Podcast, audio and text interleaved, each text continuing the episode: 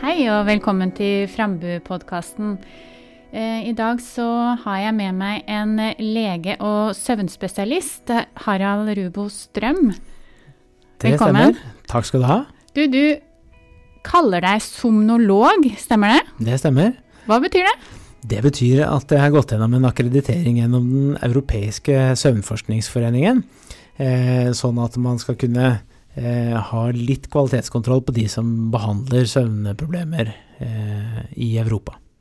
Du er lege, og mm. du er øre-nese-hals-lege. Hva Ja. det med søvn å gjøre, egentlig?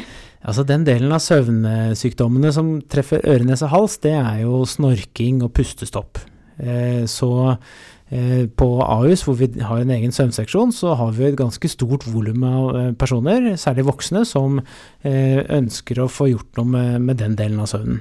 Eh, men eh, for å kunne bli somnolog, så måtte jeg også ha en eh, erfaring fra eh, de andre søvnsykdommene, altså de som sliter med å få sove, eller de som gjør rare ting når de sover. Eh, og, og da har jeg også den lille klinikken Oslo Søvnsenter som, eh, som eh, behandler andre typer søvnsykdommer enn de snorkerelaterte. Du, du er her i forbindelse med et eh, kurs, og jeg er psykolog, og jeg har hørt på foredraget ditt, og jeg syns at eh, det var et veldig spennende foredrag. For du snakket om søvnen, at det er tre eh, elementer, eh, og du sammenlignet det med en bil. Eh, du snakket om søvntrykk, døgnrytme, og så noe som jeg er vel kjent med som psykolog, tankebøra. Har du lyst til å si litt mer om dette med søvntrykk og døgnrytme først, da? Ja, altså når- jeg snakker om søvn, så, så pleier jeg alltid å si litt om hvordan søvnen reguleres først. For det er på en måte grunnlaget for å kunne forstå og gjøre noe med det.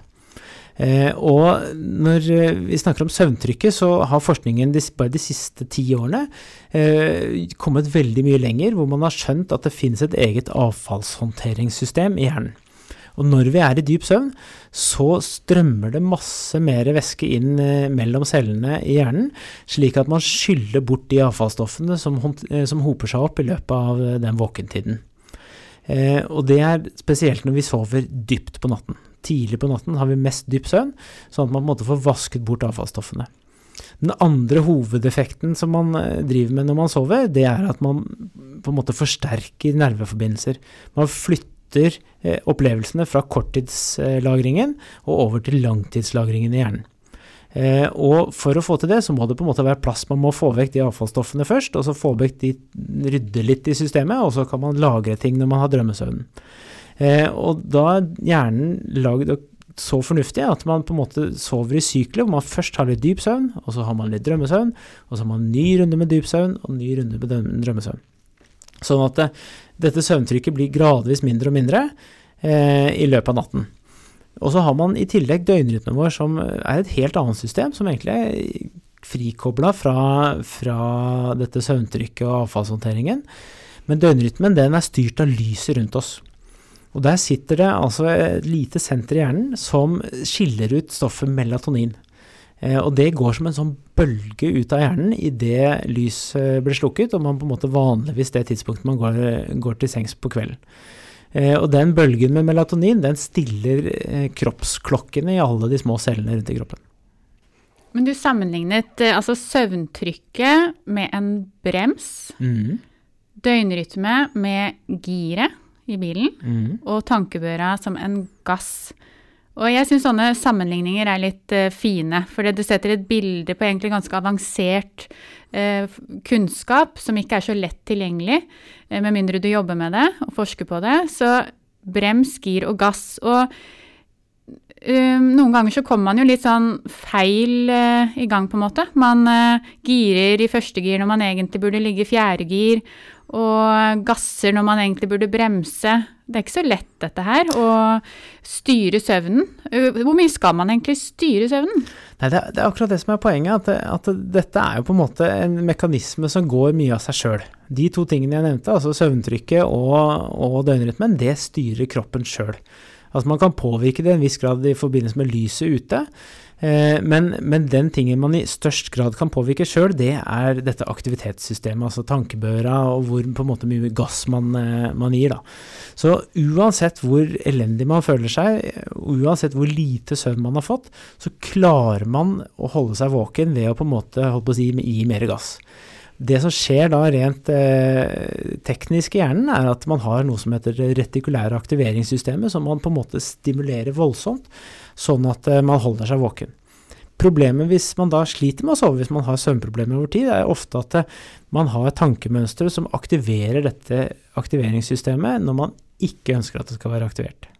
Jeg har f.eks. hatt det sånn, husker jeg, i tider hvor man måtte ha eh, eksamener og prestere, da var jeg veldig opptatt av å skulle sove godt. Fordi jeg visste da at eh, en god natts søvn kan jo hjelpe til at jeg tenker og resonnerer bedre. ikke sant? Dette er jo kjent for mange av oss. Og da la jeg meg veldig tidlig, tidligere enn vanlig, og skulle sove godt. Og akkurat i den situasjonen så gjør kroppen fullstendig motstand, og man blir liggende og liggende og liggende. Hvorfor er det sånn, da? Når man eh, vil prøve å sove, og så kan man kanskje nettopp da gi gass til et system som egentlig skal få lov til å gå av seg selv? Mm. Det, det jo, går jo på en måte på disse grunnleggende tankene vi har om at, eh, at man eh, ser på Altså hvis man ser på søvnen som noe som man skal prestere å sove, jo, jo hardere man prøver å sove, jo mindre er sjansen for at man faktisk sovner. Det som kjennetegner en sunn og god innsovning, er jo at man bare egentlig sovner. Hvis du spør noen som sover godt hvordan de gjør, så har de færreste en, en, en bevisst eh, strategi for å sovne bedre. Så, så, det er rett og slett eh, å forsøke å respektere at kroppen eh, styrer søvnen i stor grad sjøl, altså. Eh, så du har snakket litt om eh, hvorfor vi må sove, bl.a. det at vi får en hjernevask. Vi mm. får eh, vaska og rensa hjernen med egentlig økt vann eh, vanntilførsel gjennom hjernen. Forsto forstår jeg det riktig da? Ja, altså det, det er noe som kaller det glymfatiske systemet. Eh, fordi at rundt nervecellene så er det noe som heter gliaceller, som er støtte støttecellene til eh, nervecellene våre. Og de gliacellene de åpner seg sånn at det på en måte blir mer plass eh, mellom nervecellene, og så kan det, hjernevæsken på en måte strømme gjennom sånn vi tenker oss som lymfesystemet fungerer i resten av kroppen. Derfor så heter det altså glymfatisk, for det er kombinasjonen av glia og lymfatisk. Så eh, det kan man observere og, og gjøre bildediagnostikk og se at, at dette systemet faktisk fungerer hos mennesker også. Dette syns jeg er uh, veldig spennende. Du, jeg lever med et B-menneske, mm. hjemme. Det syns jeg er litt uh, slitsomt. Kan man, ikke, kan man på en måte forandre uh, døgnrytmesystem? Fins det A- og B-mennesker? Er det bare tull? Nei, det, det finnes absolutt A- og B-mennesker. Altså, vi er jo skrudd sammen med forskjellig genetikk alle sammen. Og noen har en indre kroppsklokke som, som uh, går fortere enn det andre har. Og B-menneskene de er uh, kjent for at de da har en litt treigere kroppsklokke. Så de, hvis de er i omgivelser uten noe særlig lys, så har deres døgnrytme en tendens til å skli ut mer og mer. Og det blir jo særlig et problem på vinteren når det er lite lys i omgivelsene. Eh, så det typiske er at de som er B-mennesker, når de kommer til høst, eh, tidlig vinter, så begynner de å få problemer med å sove på kvelden, og så blir det samtidig veldig vanskelig å stå opp om morgenen. Det er ikke eh, bare tull, altså? Nei, det er ikke bare tull. Og all, man kan ikke gjøre et B-menneske til et A-menneske, for de genene og, og, den kroppen ligger der som den ligger. Men man kan forsøke å påvirke dette ved hjelp av lys på morgenen, for å på en måte dytte døgnrytmen bakover, og eventuelt også dempe belysningen på kvelden. Og Der er det gjort kjempespennende forskning bare de siste årene på f.eks. Eh, bipolare tilstander, hvor man ser at det, eh, bruker man bare enkle oransje briller, så, så, vil man på en måte kunne stabilisere disse døgnrytmene i mye større grad enn man har trodd kunne skje tidligere. Du snakket jo om dette å stille kroppsklokka, og jeg som psykolog har jobba en del med ungdom. Eh, for så vidt ungdom i skoler, og ikke nødvendigvis sjeldne diagnoser eller diagnoser i det hele tatt, men som har eh, rapportert på sånne store undersøkelser at søvnen oppleves eh, som dårlig, altså dårlig søvnkvalitet. Og dette eh, sier, sier, jo ikke at de har et søvnproblem, men de opplever selv at de skulle ønske å sove bedre. Og dette med iPad og iPhone og blålys og sånn, kan du si litt om det? Ja, altså Først når vi snakker om ungdommer, så er det noe skoleverket i veldig liten grad er klar over, det er at døgnrytmen blir forsinket når man kommer inn i puberteten. Eh, med jenter så går det litt langsommere, for der er puberteten strekt over mye lengre periode. Men guttene får en mer voldsom pubertet, pubertet, og derfor så er det vanligere at de også eh, får større søvnproblemer akutt når de kommer inn i pubertet. Og ved å gi mer lys på dagtid, så har man muligheten til å stille klokka, men også ved å unngå lyset på kvelden. Og iPad og de som bruker IOS-systemet, de har jo også fått lagt inn en, en, funksjon hvor du på en måte får dempet lys i iPaden, nettopp for å ikke påvirke eh, døgnrytmen i så stor grad. Men det er klart, man har allikevel litt lys, og, og, det er gjort en del morsomme eksperimenter som viser det at f.eks. når man leser samme teksten med en iPad eller en vanlig bok, så sover man litt dårligere når man har brukt iPad på sengekanten.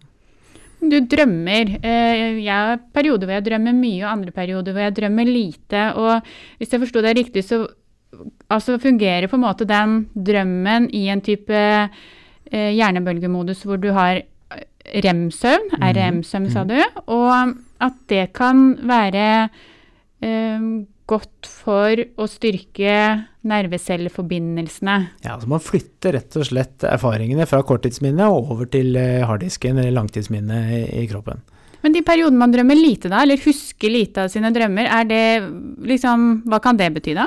Altså, sannsynligvis så drømmer du nok mye i, i uh, de fleste nettene, men, men, det er jo hvordan man våkner i forhold til døgnrytmen som ofte eh, avgjør hvor mye man husker av drømmen. Eh, og særlig i, i, helger hvor man kanskje ikke har en vekkerklokke, og da heller våkner av en drøm, så, så, tenker, så det, og ferier ikke minst, hvor man kanskje unner seg litt mer søvn, så er det vanligere å huske litt mer av drømmene. Mens eh, i hverdagen hvor man på en måte har eh, et strammere program, så, så, så, får man kanskje ikke opplevd drømmene på samme måte.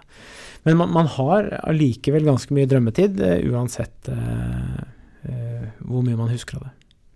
Vi har jo snakket med foreldre som opplever å, å, være på vakt, og sånn sett være, mange av de i hvert fall, i en litt mer sånn kronisk stressituasjon, hvor kanskje kroppen er mer aktivert uh, enn uh, naturlig, enn uh, de skulle ønske, kanskje. Og, men hvor mye må man sove for å måte ha en god nok helse? Det er nesten umulig å svare på. Eh, altså Man har gjort store befolkningsstudier hvor man ser at de som sover rundt syv timer i snitt, eh, har en litt eh, lavere dødelighet enn de som sover veldig lite, og de som sover veldig mye. Eh, men eh, å på en måte kunne gå inn og si hvor mye den enkelte trenger, altså spredningen er veldig stor, altså det finnes, eh, vi er veldig forskjellige. og jeg er veldig forsiktig med å gi på en måte en oppskrift på at så og så mange timer søvn trenger man. Den beste indikatoren er når man føler seg våken uten å bruke kaffe eller andre stimulerende midler. Da har man stort sett fått nok søvn. Og så tror jeg egentlig når det kommer til søvn, og hvis man er bekymra for søvnen sin, at man skal eh, egentlig heller prøve å lytte til kroppen enn at man skal, eh, skal, bekymre seg for at man får for lite hvis man har syke barn som vekker seg på natten.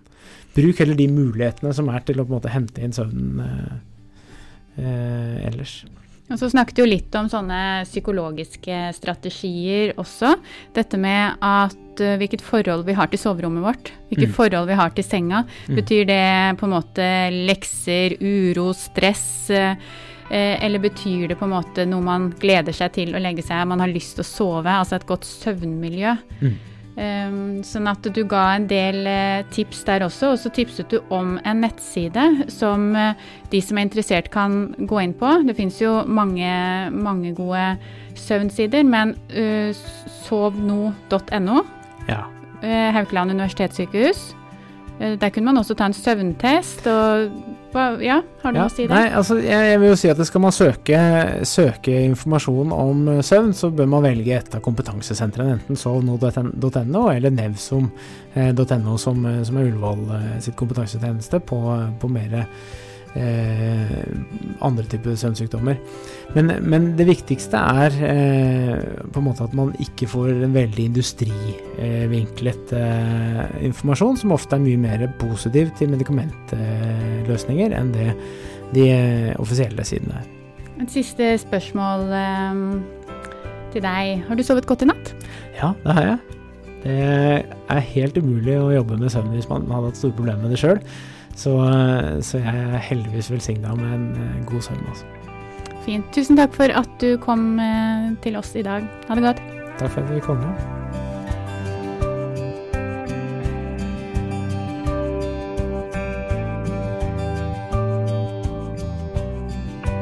Takk for at du hører på Frambupodkasten. Du kan abonnere på Frambupodkasten i din foretrukne podcast-app. Du kan også finne oss på Soundcloud. Og for mer informasjon om sjeldne diagnoser, gå inn på frambu.no.